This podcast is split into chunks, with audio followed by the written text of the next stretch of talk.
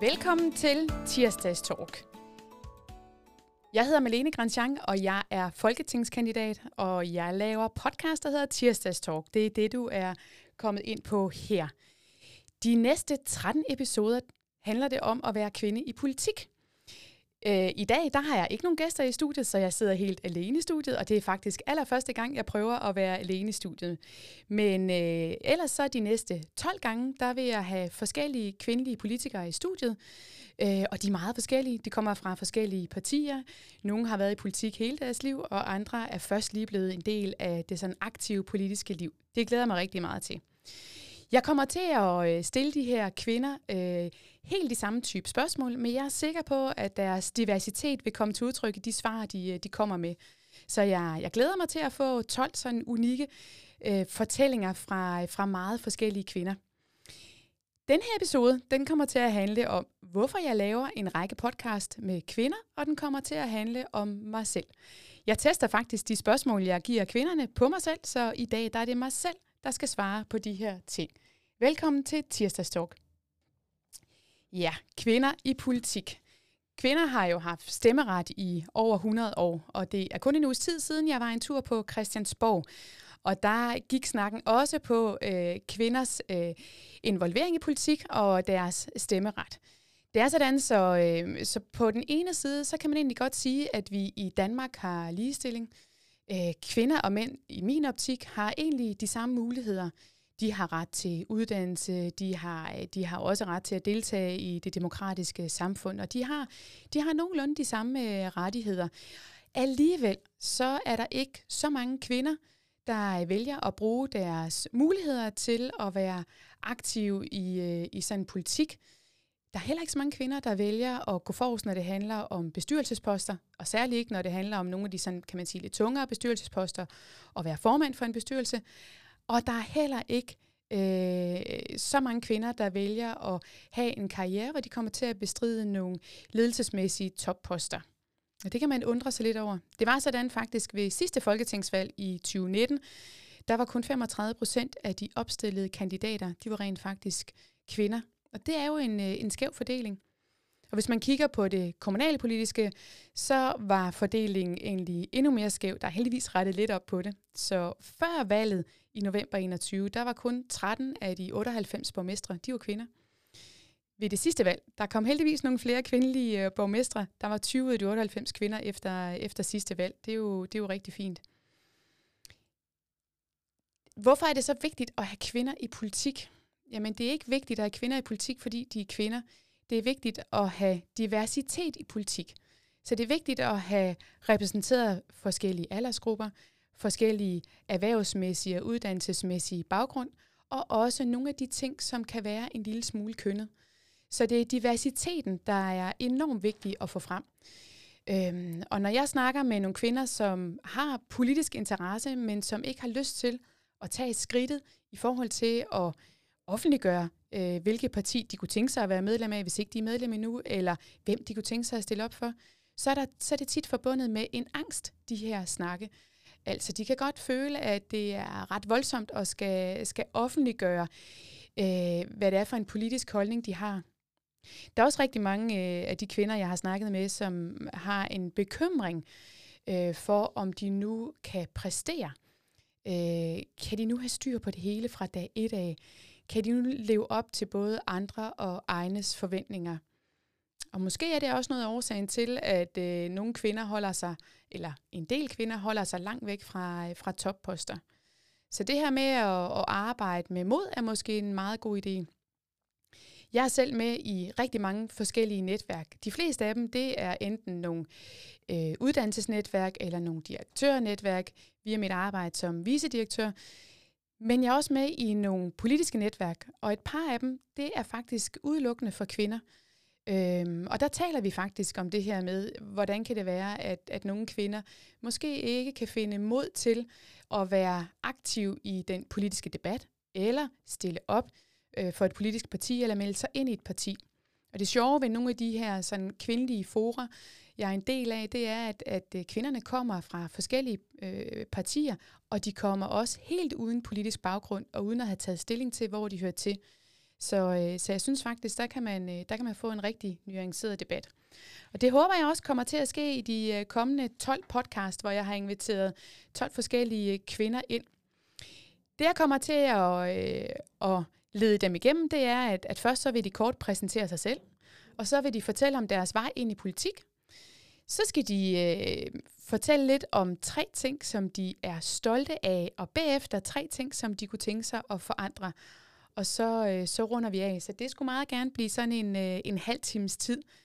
Og øh, lige om lidt, så vil jeg faktisk selv udsætte mig selv for de her trin, som de 12 kvinder kommer igennem.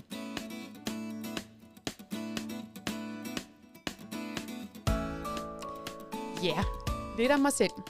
Jeg hedder som sagt Malene. Jeg bor i Kalamborg. Jeg har øh, siddet i kommunalbestyrelsen i øh, Kalamborg Kommune i fire år. Øh, det var i 2016, jeg øh, fortalte øh, offentligheden, at jeg stillede op til kommunalbestyrelsen, og så har jeg siddet i bestyrelsen øh, fra 18 til 22. Jeg er folketingskandidat øh, for Venstre i Holbæk-kredsen, og derfor også i Sjællands Storkreds. Og så har jeg arbejdet med uddannelse hele mit liv. Jeg er vicedirektør i Nordvestjyllands Erhvervs- og Gymnasieuddannelser, det der tidligere hed EUC Nordvestjylland, inden vi fusionerede med Odshads Gymnasium. Så har jeg været rektor, jeg har været gymnasielærer, jeg har været folkeskolelærer, og jeg har altid elsket at arbejde med, med uddannelse. Og hvis jeg sådan skal finde ud af, hvorfor har jeg altid været så begejstret for at arbejde med uddannelse, så handler det om, at der, der har man virkelig mulighed for at øh, skabe forandringer for andre mennesker, øh, skabe grundlaget for, øh, for en god fremtid. Og det er ikke kun den faglig gode fremtid, når man lærer eleverne kemi i gymnasiet eksempelvis, som jeg blandt andet gjorde. Det er også øh, det at give de unge mennesker tro på deres egne evner og mod til at gå ud i verden og, og prøve sig selv af og, og prøve forskellige ting. Jeg kommer fra Jordløse, en lille bitte by, øh, tæt på Tisø. Det er også i Kalamborg Kommune nu, men dengang der var det i det gamle Hvidebæk Kommune. Der er jeg født og opvokset ud på landet, hvor, hvor man legede i den gamle nedlagte skolegård og spillede rundbold og kørte cross op på marken. Det var sådan et meget inkluderende landsbysamfund, hvor øh, når der flyttede nye folk ind, så gik man hen og bankede på og sagde, jeg er pigen hen for nummer 43, og har I nogle børn, der vil lege med mig?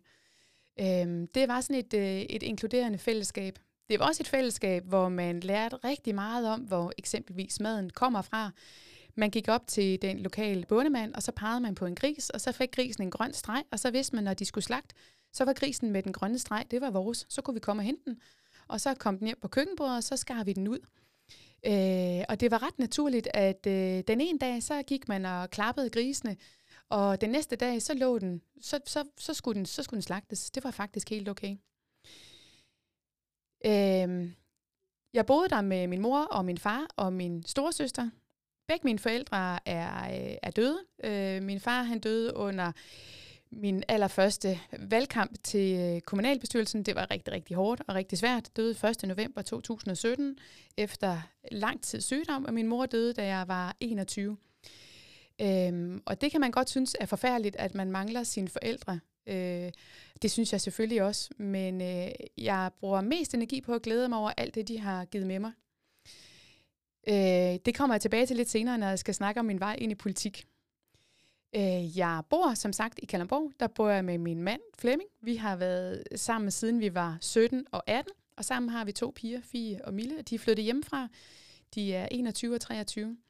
Og jeg er et udpræget familiemenneske. Det gør jeg også i en hverdag, hvor der er rigtig travlt, og hvor der er rigtig mange møder og meget lange dage. Så, øh, så prioriterer jeg tid med familien. Og det betyder også, jeg blev lige interviewet af en journalist her den anden dag, der sagde, hvordan får du tid til alt det her? Så sagde jeg, jeg tror egentlig desværre, at nogle gange så er jeg lidt en dårlig veninde. Fordi øh, jeg kommer ikke altid til at se mine veninder lige så meget, som jeg godt kunne tænke mig. Det er jeg lidt ked af. Det kan være, at øh, jeg kan give sådan en undskyldning her i min podcast nu her. Det, det, det vil være på sin plads. Jeg siger det faktisk også til dem, at, at jeg ved godt, at jeg indimellem er lidt en dårlig veninde. Men det var sådan, øh, det var sådan ultra kort om, øh, om mig selv. Det kan være, at jeg også lige skal sige, hvad min uddannelsesmæssige baggrund er. Jeg øh, er student fra Kalamborg Gymnasium. Jeg er meget lokal, lokal. Øh, og så lige efter studentereksamen læste jeg til folkeskolelærer på Holbæk Lærerseminar, og så har jeg været lærer igennem, øh, folkeskolelærer igennem ni år. Så har jeg læst en kandidatgrad i psykologi på RUK, og jeg har læst en kandidatgrad i pædagogik og uddannelsesstudier, og en bachelor i kemi. Og så har jeg pædagogikum, øh, og dermed undervisningskompetence i gymnasiefagene kemi og psykologi. Øh, og så har jeg en master i offentlig ledelse. Og ja, du hører rigtigt derude. Jeg elsker at læse, og øh, jeg tror måske, det er første gang i mit liv, at jeg har haft tre år i træk, hvor ikke jeg har været under uddannelse. Det er tre år siden, jeg blev færdig med min master, men det er faktisk lang tid for mig. Øh, og udover alle de andre ting her, så har jeg skrevet bøger for Gyldendal. Jeg øh, står bag bogsystemet Puls, som er sådan et øh, naturtekniksystem. Men nu til min vej ind i politik. Jeg øh, er egentlig ikke født ind i en familie, der, øh, der sådan har været politisk aktiv. De har aldrig sådan skiltet med øh, mine forældre, at de har været med i et politisk parti. Men jeg er født i en familie, hvor vi altid har diskuteret rigtig meget. Hvor der altid har været aviser, hvor øh, man altid så tv-avis, øh, og hvor dagsaktuelle emner blev, blev diskuteret. Og det har jeg virkelig nyt.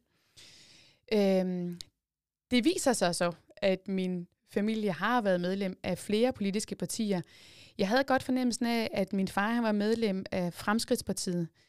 Øh, så fandt jeg senere ud af, faktisk efter de begge to var døde, at øh, de var også, de havde også et medlemskab hos SF og Socialdemokratiet. Og det kendetegner måske meget godt den familie, jeg kommer fra, for de fagnede ekstremt bredt øh, og var rigtig glade for at se nuancer på tværs af holdninger. Øh, og det, det takker jeg meget for, at jeg har fået med. Så det var, det var sådan en af perspektiverne i forhold til min vej ind i politik. I min helt unge dage, der var jeg medlem af Radikale Venstre, og det var jeg rigtig glad for. Så meldte jeg mig ud, fordi jeg blev tosset over, at jeg synes, at øh, der begyndte at danne sig nogle billeder af noget blokpolitik i Danmark. Det kunne jeg ikke særlig godt lide. Rød blok og blå blok, det passede ikke øh, til mit mindset. Så meldte jeg mig ud og kunne slet ikke finde fodfæste i noget parti igennem flere år. Jeg blev øh, adskillige gange spurgt, om ikke jeg ville melde mig ind i et parti, øh, og jeg blev også spurgt, om ikke jeg ville stille op, både som, øh, som kandidat til kommunalvalget, men også til folketingsvalget, og faktisk af forskellige partier. Øhm, og hver gang svarede jeg nej, men jeg kunne godt mærke, at det rykkede rigtig meget i mig. Øhm, jeg var ikke i tvivl om, hvor jeg hørte hjemme, da, da jeg sagde ja tak til at stille op for Venstre i 2000, efteråret 2016. Øh, og hvorfor lige Venstre? Jamen, det er helt klart det liberale menneskesyn, øh, friheden for den enkelte og tilliden til, at den enkelte kan tage ansvar for sit eget liv under hensynstagen til fællesskabet. Det øh, har, har været et meget tungtvejende argument for, at, at Venstre er det sted, jeg hører til. Men det er heller ikke nogen hemmelighed, også med min baggrund, at, øh, at jeg kan godt lide, at man kan tænke på tværs af partier, og jeg er meget midtersøgende, og jeg kan rigtig godt lide at arbejde med kompromiser, som, øh, som mange mennesker kan se sig ind i. Så det var, det var min vej ind i politik. Og øh, efter vi lige har hørt en, øh, en lille smule melodi, så kommer vi tilbage til tre ting, jeg er stolt af, og tre ting, jeg gerne vil forandre.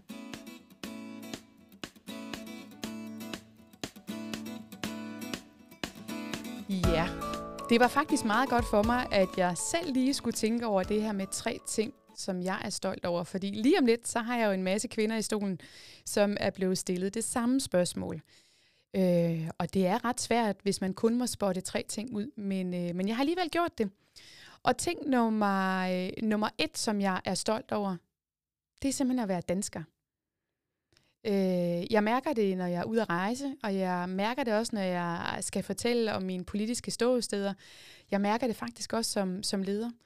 Jeg er simpelthen så stolt over at være dansker og bo i et land og være en del af et land, hvor øh, der er et øh, velfungerende uddannelsessystem, også selvom vi kan forbedre en hel masse, hvor der er uddannelse til alle, hvor øh, velfærdssystemet også er velfungerende, sundhedssystemet, og også selvom man nogle gange kan blive træt af ventetider. Så når vi sammenligner os med rigtig mange andre lande, så bliver jeg alligevel rigtig stolt over at være dansker. Jeg bliver også stolt over at være dansker, når vi kigger på øh, det fokus, vi generelt har på fællesskab. De helt ekstremt mange foreninger, der er. Øh, det jeg tit oplever i, øh, i mange forskellige lokalsamfund, at der er en opmærksomhed på at få alle med i fællesskaber og i foreninger.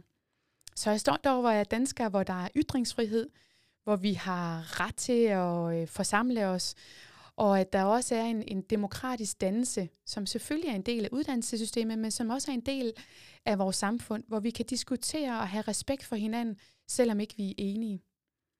Så er jeg stolt over at være dansker i forhold til øh, alt det smukke natur, der er. Øh, jeg er stolt over at være dansker, når jeg går ned ad en gade, og jeg kan mærke, at øh, vi har faktisk ikke noget imod at kigge på hinanden, selvom ikke vi kender hinanden. Og vi har heller ikke noget imod at smile til hinanden, selvom ikke vi kender hinanden. Det betyder faktisk rigtig meget. Så er jeg stolt over at være dansker, fordi vi også har en opmærksomhed på, at kultur faktisk betyder noget for os. Jeg vil godt have afsat endnu flere ressourcer til kultur, men der er alligevel en opmærksomhed på, at det betyder noget for os som mennesker, at vi kan beskæftige os med kultur, at vi har også gratis adgang til kultur. Så det er en af de ting, jeg faktisk er helt ekstremt stolt af. Nummer to ting, så er jeg personligt meget stolt over at få tildelt tillid. Og der har jeg sådan peget tre felter ud. Det er tillid i forhold til mit politiske liv. Jeg har virkelig været beæret over, at folk har peget på mig som både kandidat til kommunalvalget og peget på mig som kandidat til Folketinget og støttet mit kandidatur stolt over alle de stemmer, jeg fik til, til kommunalvalget, og stolt over alle de beskeder, jeg indimellem får, når folk synes, at jeg enten gør noget eller siger noget, som politisk øh, er fornuftigt, eller noget, de gerne vil anerkende. Det, det, det er jeg virkelig stolt over. Så er jeg faktisk også rigtig stolt over den øh, tildeling af tillid, jeg får som leder, og den ledelseslegitimitet, jeg, jeg får af medarbejdere. For det er sådan, så man kan godt øh, kæmpe sig til en lederstilling. Det gør man øh, igennem CV, ansøgning og jobsamtaler. Men man bliver ikke leder der. Man bliver leder, når ens medarbejder tildeler en tillid og ledelseslegitimitet. Og det gør mig stolt og varm, når det sker. Øh, og også selvom jeg har været leder i 10-12 år, så bliver jeg stadigvæk faktisk helt rørt over øh, at opleve og få tildelt den form for, for tillid af medarbejderne. Og så gør det mig stolt at få tildelt tillid øh, som mor. Øh, det, at ens børn viser en tillid til at dele stort og småt med en, øh, viser, viser en den her form for ubetinget øh, kærlige tillid, øh, som er helt særlig imellem familiære bånd. Øh, det gælder det samme i forhold til søskende, det gælder det samme i forhold til svigerforældre eller i forhold til min mand. Den form for tildeling af tillid øh, hos familiemedlemmer, den, øh, den gør mig også rigtig stolt. Så er der også nogle ting, jeg rigtig gerne vil forandre. Og der kunne jeg selvfølgelig også godt komme med mange forskellige ting, men øh, jeg har øh, valgt tre ting ud, som jeg tænker, det er dem, jeg, det er dem, jeg må gå med. Og ting nummer et, det er ikke noget, jeg vil forandre, men noget, jeg vil fremme. Jeg vil rigtig, rigtig gerne fremme den konstruktive og tværgående demokratiske dannelse, der beror på sådan en, en respektfuld demokratisk proces. Jeg vil rigtig gerne have, at øh, når man deltager i demokratiet, eller man er aktiv rent politisk, eller man indgår i bestyrelser, eller udtaler sig i det offentlige rum, at så gør man det respektfuldt, men man møder også andre med respekt, lytter til hinanden, anerkender, at der kan være forskellige holdninger. Det tror jeg på vil gøre, at langt flere får lyst og mod til at tage aktiv del i vores demokratiske processer. Øhm, så, så det at fremme øh, den, den konstruktive demokratiske proces i store og små sammenhæng, det, øh, det vil jeg rigtig gerne arbejde for. Jeg havde faktisk en oplevelse, da jeg holdt et øh, rent kvindearrangement, øh, Vin Tapas og politisk debat for kvinder i Jyderup øh, i efteråret 2021. Øh, der spurgte jeg de øh, kvinder, der kom. Der var plads til 60 kvinder, og der var fuldstændig udsolgt. Og jeg havde glæde af at holde det sammen med to fantastiske kvinder. Øh, Anne Sofie fra Radikale Venstre, der sidder i øh, Folketinget, og Christina Krysjak, der er borgmester i Holbæk kvikke og begavede og meget modige politiske kvinder. Øhm, der spurgte jeg alle deltagerne, øh, om de var vant til at deltage i politiske arrangementer, og hvad de havde syntes om det. Der var sådan en lille skriftlig, anonym evaluering. Og det var sådan, så øh, halvdelen af de kvinder, der kom, de havde aldrig været til et politisk arrangement, og havde aldrig kunne forestille sig, at de nogensinde ville deltage i et politisk arrangement. Men efter det her arrangement sagde de, at det ville de gerne i fremtiden. Og flere af dem skrev faktisk noget meget detaljeret om, hvorfor de ville det. Og øh, hvis man sådan skal summere det op, så handlede det om, at de fik en oplevelse af, at vi tre kvinder, selvom vi kommer fra tre forskellige partier, så kunne vi for det første godt lide hinanden, vi respekterede hinanden, og vi var alle tre meget koncentrerede om at finde ud af, hvor var vi egentlig fælles om noget, hvor kunne vi blive enige om noget, og hvor ville vi gerne arbejde sammen om at, at skabe forandringer i den der gode tone. Øhm, og mange af kvinderne, der var til arrangementet, sagde, det synes de ikke, de var vant til at opleve verden, når de tændte for fjernsyn eller de øh, læste avisen. Så, så det her var en ny oplevelse for dem. Og øh, det vil jeg rigtig gerne fremme. Øh, ikke kun til arrangementer, men også øh, in real life og på de sociale medier og alle andre steder. Ting nummer to, jeg har valgt ud i forhold til ting, jeg gerne vil forandre, det er, at jeg vil gerne sørge for, at der bliver skabt en øh, større frihed til at træffe fornuftige, decentrale beslutninger. Det kunne eksempelvis være ude på skolerne. Øh, det kunne være beslutningen om, hvordan skal undervisningen organiseres, hvor meget og hvor lidt må være online. Fordi der er forskel fra skole til skole, fra klasse til klasse. Det kunne også handle om, hvordan skal ældreplejen være, præcis hvor skal fokus være. Så det, at man centralt kan sætte nogle rammer, og inden for de rammer, der har man lidt større frihedsgrader end det, der er lige nu, til at forvalte øh, de aktiviteter, der skal være inden for rammerne. Det vil jeg rigtig gerne arbejde for. Fordi det er sådan, så politikere kommer med deres politiske blik, når de skaber rammerne. De kommer med mange forskellige øh, faglige baggrunde, og de har også forskellige motiver for at skabe de her rammer. Men vi må simpelthen ikke undervurdere den faglige ekspertise, som er inden for hvert enkelt område, uanset om vi måske snakker skoleområdet, ældrepleje, kultur eller hvad det kunne være. Og den skal vi sætte mere i spil og mere fri. Så større frihed til fornuftige, decentrale beslutninger. Det er ting nummer to, jeg gerne vil forandre. Og ting nummer tre, jeg var nødt til at have med, øh, som ting, jeg gerne vil forandre, når jeg nu kun har tre ting, det er et mere lige Danmark, vil jeg gerne arbejde for, så jeg vil gerne forandre, at Danmark er lidt for ulige stadigvæk. Øh, og det skal der arbejdes på tværs af partier med. Det er blandt andet i forhold til uddannelse. Hvor let adgang har man til uddannelse? Er der uddannelse tæt på de unge? Øh, det er i forhold til at få alle med i fællesskaber, muligheden for job. Øh, det er muligheden for, øh, for at være tæt på, øh, på sundhedsvæsenet. Hvilken adgang er der til behandlinger? Det er på rigtig, rigtig mange parametre. Så det at arbejde for et mere lige Danmark er en af de ting, jeg, jeg vil arbejde for også, hvis jeg skal snakke om, om tre forandringer. Ja, så det er, øh, det kan man sige, det er ligesom de, øh, de helt store ting. Øh, når jeg kommer tilbage, så vil jeg lige kort berøre, øh, hvem der er mit idol.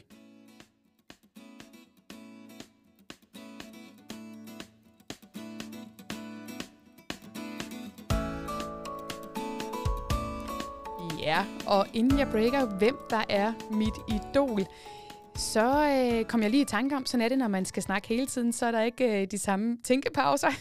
øh, så kom jeg lige i tanke om, at da jeg skulle fortælle om tre ting, jeg var stolt over, så nævnte jeg et, at være dansker, to, at få tildelt tillid, men træeren, den glemte jeg. Og måske var det, fordi den faktisk også hænger øh, lidt sammen med nogle af alle de andre ting, jeg har sagt. Fordi træeren, som jeg er helt ekstremt stolt over, det er at kunne bidrage til både store og små forandringer, der gør en forskel for andre. Når jeg sådan skal vurdere, hvad er det, der giver mig arbejdsglæde, eller hvad giver mig livskvalitet, eller som sagt, hvad jeg er stolt over, så er det faktisk at være med til at skabe forandringer, som gør andre glade, eller hjælper til, at andre får et godt liv. Det kan være, øh, da jeg var mentor for gymnasieelever, det kan være øh, i min... Øh, i min post som bestyrelsesformand for en kunstforening. Det kan være som, øh, som vicedirektør eller som politisk aktiv. Det kan både være de store og de små forandringer. Og øh, en, der øh, også vægter både store og små forandringer, og som øh, jeg har set op til i rigtig, rigtig mange år, det er Margrethe Vestager.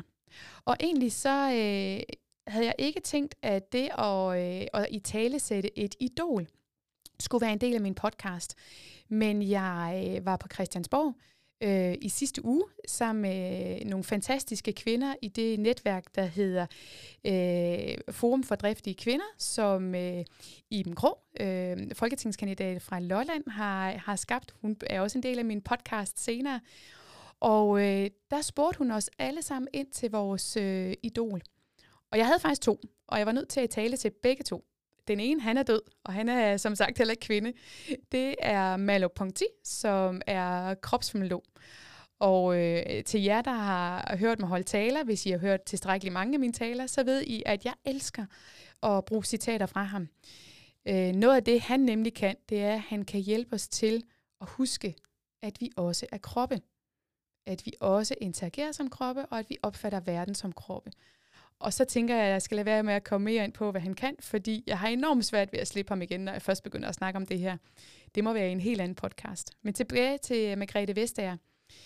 Øh, jeg, jeg synes, hun er, hun er helt fantastisk. Øh, og en af de ting, hun ligesom siger, når hun skal beskrive sig selv, det er, øh, hun er blevet bedt om på et tidspunkt i, øh, i Femina at beskrive sig selv med tre ord. Og det første ord, der faldt hende ind, det var kvinde. Øh, hun beskriver sig selv som, som kvinde, at det er, det er vigtigt, fordi hun kan faktisk godt lide at være kvinde. Øh, og hun, hun er rigtig glad for at være kvinde. Øh, jeg er meget på linje med hende, når hun siger, at hun synes ikke, at vi er helt hjemme med ligestilling. Der er stadigvæk masser af ting, vi kan gøre, men, øh, men vi er et godt stykke vej. Og så kommer de næste to ord, hvor, hvor jeg godt kan genkende mig selv, og hvor jeg kan mærke, at, øh, at jeg, jeg bliver enormt begejstret af at, at, at lytte til hende, udover at hun er meget, meget skarp, og hun gør en kæmpe forskel for rigtig, rigtig mange. Så er de næste to ord, hun beskriver sig selv med, det er smil og glæde. Øh, og hun beskriver, at øh, hun synes egentlig mellem, at vores verden er mega besværlig at leve i, og der er rigtig mange onde ting i verden. Så det at kan prøve at møde verden med smil og med glæde, det, øh, det betyder rigtig meget. Øhm, og det kan jeg faktisk godt genkende, at det har kæmpestor betydning, at man evner at finde øh, glæden og smilet i det, der både kan være svært og ondt og umuligt at håndtere. Så øh, har jeg også tidligere læst et interview af, af Margrethe Vestager øh, omkring alder, øh, og hvor hun har en, øh, en udtalelse, der, der går på, at det bedste ved hendes alder er ikke at være ung. Og det synes jeg er ret fantastisk, og det fik mig til at filosofere lidt over min egen alder, fordi øh, jeg er 46, jeg er fra 75, øh, og har i faktisk relativt mange år kaldt mig ikke ung. Og det har jeg tit blevet mødt med, med sådan lidt øh, undren, fordi så har folk sagt, jamen du er stadigvæk ung, og man kan få lov at være ung længe, og vi bestemmer selv, hvor længe vi er unge. Men jeg ved præcis, hvornår jeg holdt op med at være ung. Og det gjorde jeg, da vores ældste datter pludselig havde en alder, jeg tror hun var 15, hvor jeg begyndte at omtale hende, når jeg snakkede om hende, som ung. Og så tænkte jeg, så er jeg faktisk ikke i den kategori længere, og det er jeg egentlig også glad for. Jeg har det rigtig, rigtig godt med ikke at være ung. Øh, jeg, synes, øh, jeg synes, det er skønt at være bare helt almindelig voksen, øh, hvor man har en masse erfaringer med sig, men man er fri for alt det besvær, som er i ungdommen alle de mange vanskelige valg, man skal træffe, alle de parametre, hvor man synes, man skal præstere, uden man er helt sikker på, hvem man er, det er fantastisk. Og så kan man sige, noget af det, man tit siger, der er forbundet med ungdommen, det er sådan en, en frygtløshed. Øh, men den har jeg... Øh, den har jeg faktisk stadigvæk helt intakt, så, øh, og det er jeg glad for, og den tænker jeg faktisk, jeg, øh, jeg vil fortsætte med. Den vil, jeg, den vil jeg helst ikke gå af med, den, øh, den skal blive der. Så, øh, så på den måde, så, øh, så er jeg egentlig også rigtig glad for min alder. Og der kunne jeg godt tænke mig lige at trække øh, et, et lille spor tilbage til min fantastiske far. Der på et tidspunkt, øh, det er i hvert fald nok 10 års tid siden, øh, gjorde mig opmærksom på, at jeg altid har syntes, at både min egen alder var den bedste alder, jeg nogensinde har haft, og at min pigers alder altid har været den bedste. Og det havde jeg slet ikke selv bemærket. Men øh, vi øh, var meget tætte på hinanden og snakkede meget sammen. Og jeg har åbenbart altid fortalt, også når børnene har leget, at lige nu, far, der er den allerbedste alder. Altså, den, der findes ikke bedre alder end nu her, hvor de er to og fire år. Og kort efter sagde jeg 3 og 5. Og nu her vil jeg sige 21 og 23. Det er den bedste alder. Man kan ikke forestille sig at have børn på en bedre alder. Og sådan har jeg altså altid haft det med min egen alder. Og det er jo sådan set meget rart, fordi øh, så kan man øh, smile til verden og, øh, og være lykkelig lige der, hvor man er. Efter øh, en lille smule musik, så øh, vil jeg runde af med at fortælle, hvem I kan glæde jer til at høre i de næste 12 podcast.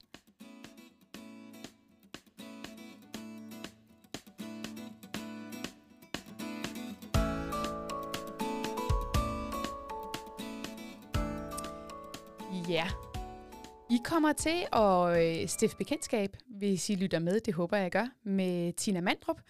Hun er ny borgmester i øh, Lejre Kommune, og hun er fra Venstre. Så kommer I til at møde Gita Nelander, og hende kender jeg fra Meningsministeriet, øh, som er i P4 om, øh, om søndagen. Der har jeg mødt hende flere gange. Øh, hun er fra Nyborgerlige. Så kommer jeg til at møde Annette Mortensen fra Venstre, øh, tidligere borgmester fra Stævns. Så kommer jeg til at møde Christine øh, Vesterskov Olsen, som er fra Socialdemokratiet, og som jeg har siddet i kommunalbestyrelsen med og været i udvalg med her i Kalundborg Kommune, og det kan I også glæde jer til. Så kommer jeg til at møde Iben Krog, som jeg tidligere har nævnt. Hun er folketingskandidat fra Lolland. Så kommer jeg til at møde Helle Laursen Petersen, som er fra Konservativ og øh, sidder i regionen. Så kommer jeg til at møde Hanni Pegonski Hansen fra Venstre, fra, øh, fra Odshavet. Hun øh, er borgmesterkandidat deroppe. Og så kommer jeg til at møde Henriette Eggermand fra Nyborgerlige, og hun er relativt ny i politik øh, og er kommet ind i øh, kommunalbestyrelsen her i Kalundborg. Så kommer jeg til at kan møde, møde Camilla Hove Lund fra Venstre og Holbæk, borgmesterkandidat der. Charlotte Nielsen fra Socialdemokratiet, også fra Holbæk. Og øh, vi deler også sådan en fortid sammen. Hun er også fra uddannelsesverdenen. Så kommer jeg til at møde Charlotte Biserup Blikfeldt, som er folketingskandidat, og hun er fra Venstre. Og til sidst kommer jeg til at møde anne Sofie Kallesen fra Radikale Venstre, som sidder i Folketinget. I kan godt glæde mig, eller I kan godt glæde jer. Jeg glæder mig i hvert fald rigtig, rigtig meget. Tusind tak, fordi I lyttede med til øh, min podcast Tirsdags Talk.